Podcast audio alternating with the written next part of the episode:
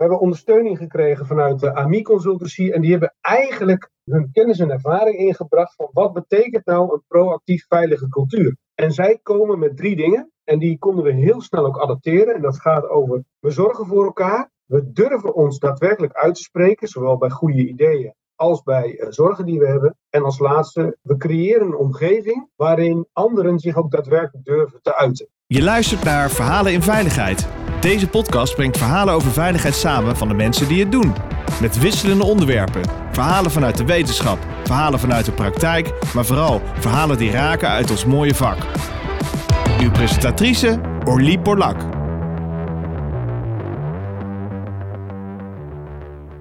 Welkom uh, luisteraars. Ik zit hier in de studio met uh, Wilco Polak. Geen familie, wel dezelfde achternaam. Wilco uh, is programmamanager leadership bij Tenet.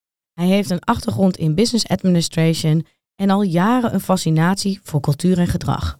De rode draad in zijn carrière is de mens in combinatie met risico en hoe daarmee om te gaan. Wilco is momenteel volop bezig om alle leidinggevenden een sterke veiligheidsbewustzijn te geven. Hier zijn inmiddels de eerste resultaten van bekend. Dus eigenlijk tijd voor een gesprek. Welkom. Welkom. Ja, dankjewel Orly. En wat super gaaf dat je mij de gelegenheid geeft om even wat te vertellen over ja, waar wij de afgelopen jaren al eh, heel druk mee bezig eh, zijn. Ik voel me zeer vereerd. Ook in het lijstje wat je allemaal al hebt uitgenodigd, dat ik daar ook bij mag zijn. Geweldig. Nou, volgens mij heb je een hartstikke mooi verhaal. En daar, daar zijn de luisteraars natuurlijk ook benieuwd naar. Want die zitten natuurlijk met dezelfde worsteling elke dag. Hoe gaan we leidinggevenden meer veiligheidsbewustzijn geven, meer prioriteit geven aan veiligheid, meer stuur op veiligheid. En jullie zijn daar uh, volop mee bezig met, uh, wat ik heb gehoord, zo in de wandelgang, een heel innovatief programma. Ja, dat klopt. En zal ik daar wat over vertellen? Ja, heel graag. Daarom zit je hier ook. Ja, heel goed. Ja. Eigenlijk is het niet alleen voor de leidinggevende. We proberen uiteindelijk iedereen binnen Tenet proactief veilig gedrag uh, mee, mee te geven.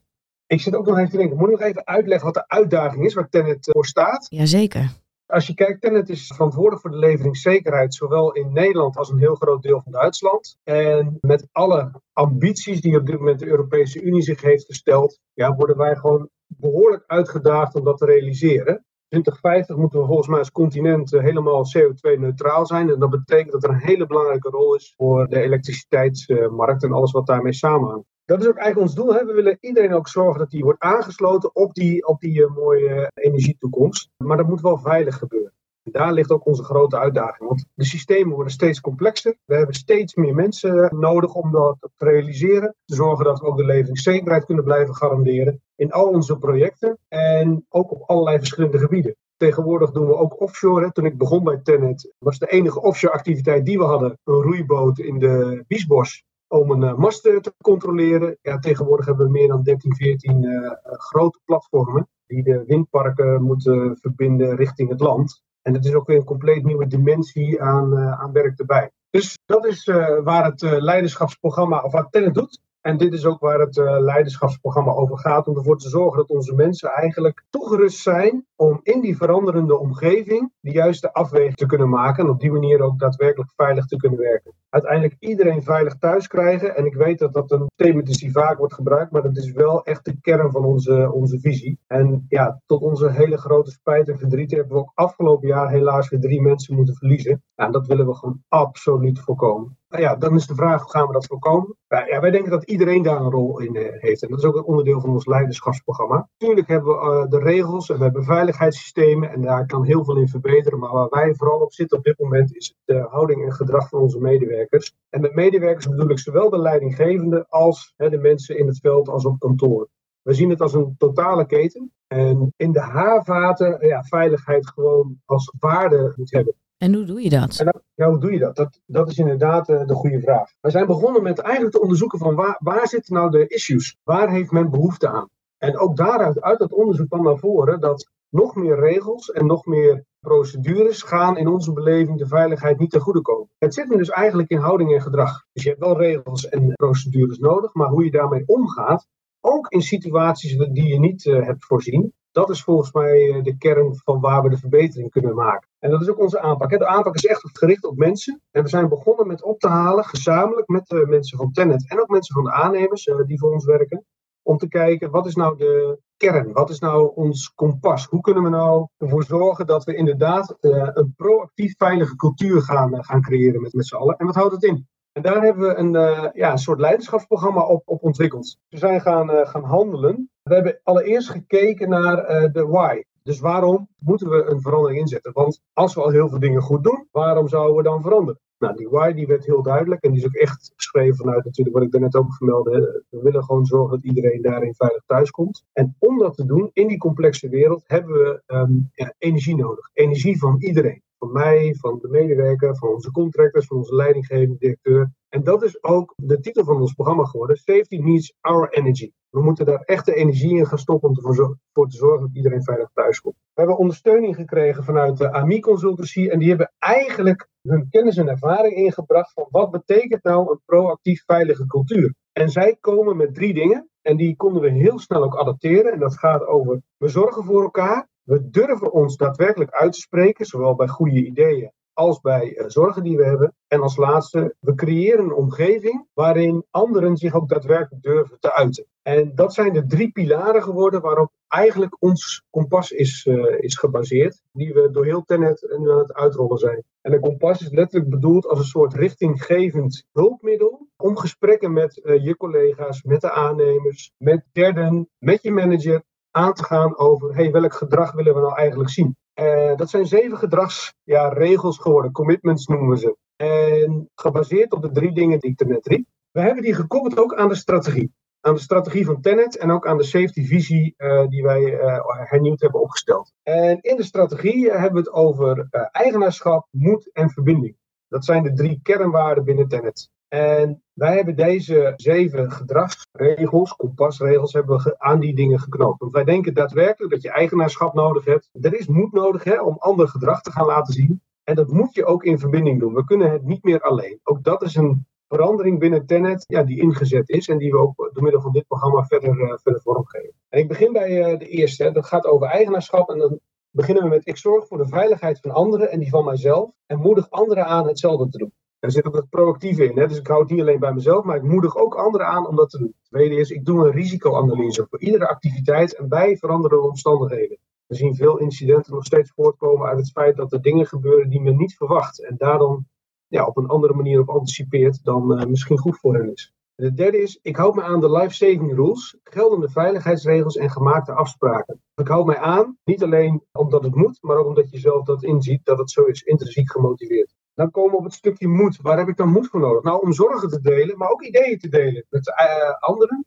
Om veiligheid te verbeteren. Maar ik stimuleer ook anderen om dat ook te doen. Dus het proactieve weer. En het tweede uh, moed is, ik handel in geval van een onveilige situatie, ondanks groepsbudget of planningsdruk. Bij ons wordt heel vaak tijd aangewend als, ja, we moeten nu dit, we moeten nu dat. Dat mag natuurlijk nooit ten koste gaan van, van het veilige gedrag. En het derde is in verbinding. Ik waardeer en complimenteer veilig gedrag van anderen. Ik denk dat ook jij daar wel wat uh, beeld bij hebt, dat veiligheid gaat vaak over dingen die niet goed gaan. En wij proberen eigenlijk nu juist te gaan focussen op, hé, hey, maar wat gaat er wel goed? En waardeer dat dan ook en complimenteer het ook. Als je inderdaad een keer iemand iets ziet doen die in het veilige gedrag goede voorbeeld geeft, ja, benoem dat ook gewoon. Uh, we kennen dingen als de gouden helm, maar het kan ook veel kleiner. Dat bij een bepaald project krijgt het team die weer met een uh, goed idee of goed gehandeld heeft, uh, een broodje bol of, dat soort dingen. Het zit in die hele kleine dingen. En af en toe is ook gewoon een duimpje opsteken. Hey, wat goed wel dat je hier aan denkt of dat je mij ergens op wijst. Laatste is, ik verbind me aan het continu verbeteren van veiligheid en deel actief nieuwe inzichten.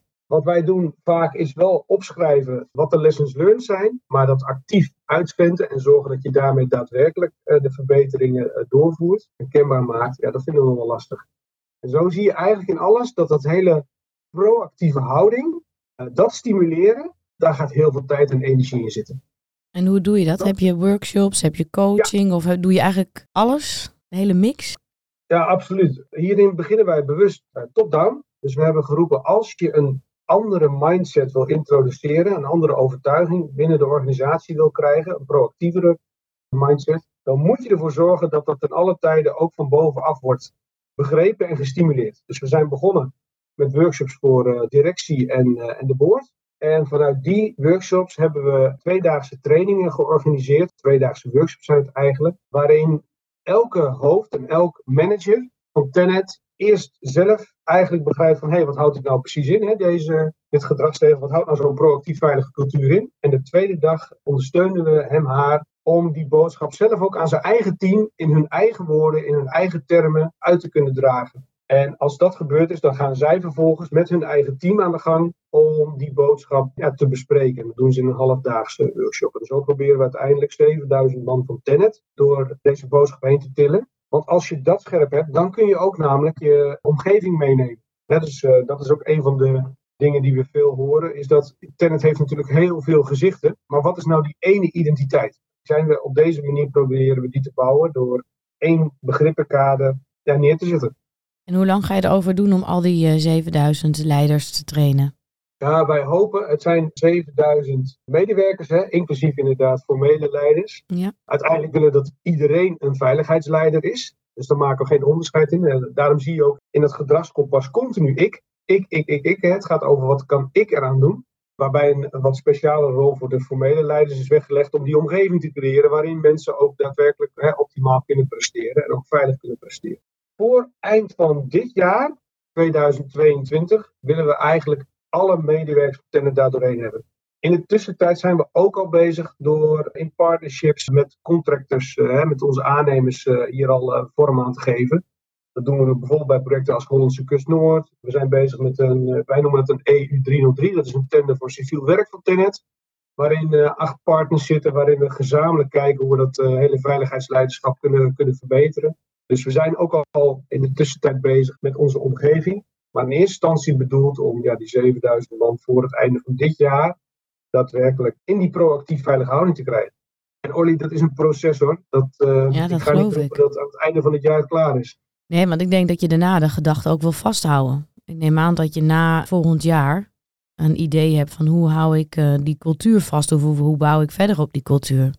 Ja, helemaal eens. En een van de dingen die er bijvoorbeeld gebeuren is dat wij in startwerkvergaderingen nu uh, aan het piloten zijn op welke wijze we dit gedachtegoed in ieder geval ter bespreking kunnen neerzetten. En dat wordt ook gewaardeerd, want je hebt in één keer een heel ander gesprek dan het standaard eh, ja, vijf of tien minuutjes over veiligheid hebben, bijvoorbeeld bij bepaalde managementteams. Ja, zo proberen we inderdaad ook in de dagelijkse processen, procedures, het proactief veilige gedrag eh, te stimuleren. Zie je eigenlijk, als je kijkt naar je visie op leiderschap, hè, dat lijkt nu een beetje op uh, caring and daring. Misschien heb je daarvan gehoord. Ik hoor heel erg uh, Brené Brown erin en uh, Amy Edmondson en misschien ook een beetje Carol Dweck, hè? growth leadership en ehm, ja, sturen op vakmanschap, autonomie, ontwikkeling. Dat is eigenlijk wel de, de nieuwe trend. Hè? We, kwamen, kwamen natuurlijk eigenlijk van top-down. Hè? De man die het beste was in elektrotechniek, die werd uiteindelijk de baas. En die ging sturen vanuit de inhoud. En nu zie je dat uh, door die complexe omgeving dat we veel meer sturen vanuit uh, samenwerking.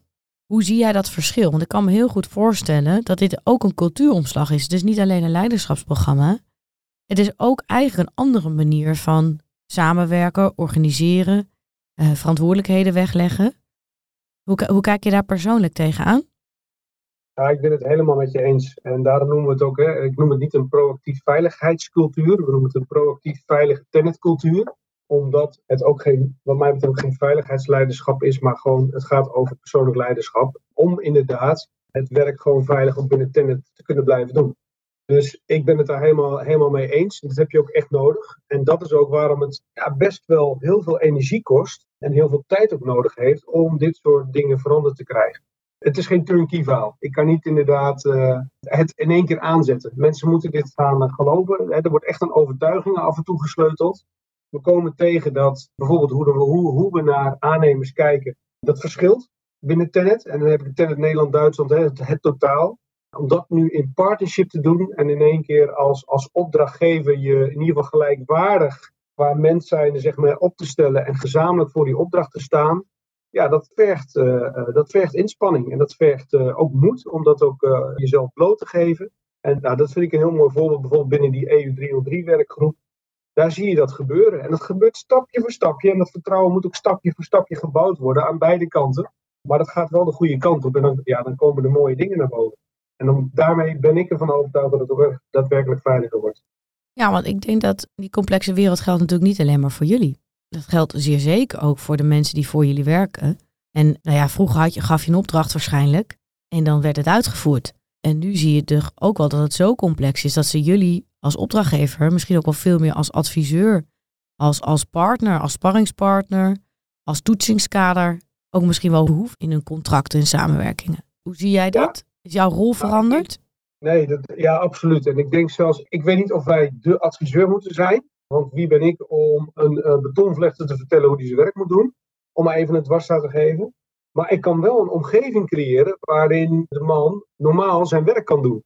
Ik denk dat wij ons nog onvoldoende bewust zijn dat de tijdsdruk die wij aan de achterkant opleggen, hoe dat doorcijpelt naar uiteindelijk hè, die, die zelfstandige die dan vervolgens eh, per uur betaald wordt, daar ook echt helemaal van afhankelijk is. Ja, dan maar voor lief neemt dat er af en toe misschien wat minder veilig gewerkt wordt, omdat hij in ieder geval zijn werkzaamheden dan eerder of, of bij tijds af kan, uh, kan hebben. Daar denk ik dat wij een morele verplichting hebben om ervoor te zorgen dat dat zoveel mogelijk, ja, dat ook hij zoveel mogelijk veilig kan werken en de tijd kan nemen. En inderdaad ook eens een keer durft te zeggen, ja, op de wijze waarop het nu gedaan moet worden, dat kan gewoon niet. Dat moet er echt op een andere manier. En dat we dan inderdaad die ruimte en tijd en daarmee dus ook geld bieden om dat ook daadwerkelijk te kunnen realiseren. Dus ik denk dat onze rol daar inderdaad in veranderd is, uh, Olly. Ja, ja maar als, als ik jou zo beluister, komen we eigenlijk van een beetje prestatiegedreven contract of misschien organisatie nou, misschien een, een nieuwe vorm. Ja, waarbij ik denk nog steeds uh, dat prestatie natuurlijk belangrijk is. Want je wil met z'n allen een prestatie, maar dat is het grote verschil. Je wil met z'n allen die prestatie neerzetten. En veiligheid vind ik daarin dan ook een prestatie. Je kunt ervoor kiezen of ik doe het uh, voor zo, goedkoop mogelijk en accepteer daarbij ja, kwaliteitsverlies en zelfs uh, misschien veiligheidsverlies. Of je zegt nee, weet je, we vinden die kwaliteit en die veiligheid zo belangrijk dat daarmee prijs misschien, ja, die gaat omhoog, maar we accepteren daarbij in ieder geval dat niemand meer uh, gewond uh, naar huis gaat of uh, beschadigd wordt op wat voor wijze dan ook. Dus dat is inderdaad wel een veranderende mindset, denk ik. Ja. En we eindigen altijd deze podcast met een kleine sneak preview naar de toekomst toe. Hoe ziet de toekomst eruit? Nou, laten we één onderwerpje doen. Hoe ziet de, de samenwerking tussen jullie en opdrachtnemers er in de toekomst uit, idealiter? Je mag een, uh, een langetermijnvisie uh, neerleggen. Voor mij is dat, en het klinkt misschien hoogdravend of, of uh, misschien naïef, maar ik zie echt naar een toekomst uit waarin iedereen die voor of hè, met of bij Tennet werkt, gewoon veilig, gezond en energiek ook weer thuis komt. Dat hij het gewoon echt gaaf vindt van wat we hebben gepresteerd. En diezelfde ja, proactief veilige mindset, zowel in de privésfeer als op het werk heeft. En ik ben daar echt van overtuigd dat we daarmee onze incidenten, en bijna incidenten, ja, tot nul kunnen gaan reduceren. Als we maar op elkaar letten en inderdaad goed voor elkaar daarin, uh, daarin zorgen. Dus dat is mijn uh, toekomst. Ik denk dat Tenet daar ook een belangrijke rol in kan uh, spelen. Om die omgeving te bieden en in gezamenlijkheid met onze partners ervoor zorgen dat dit ook daadwerkelijk gerealiseerd gaat worden. Dan wil ik jou hartelijk danken voor deze mooie podcast. Ik graag gedaan. En dank voor de gelegenheid, Orly.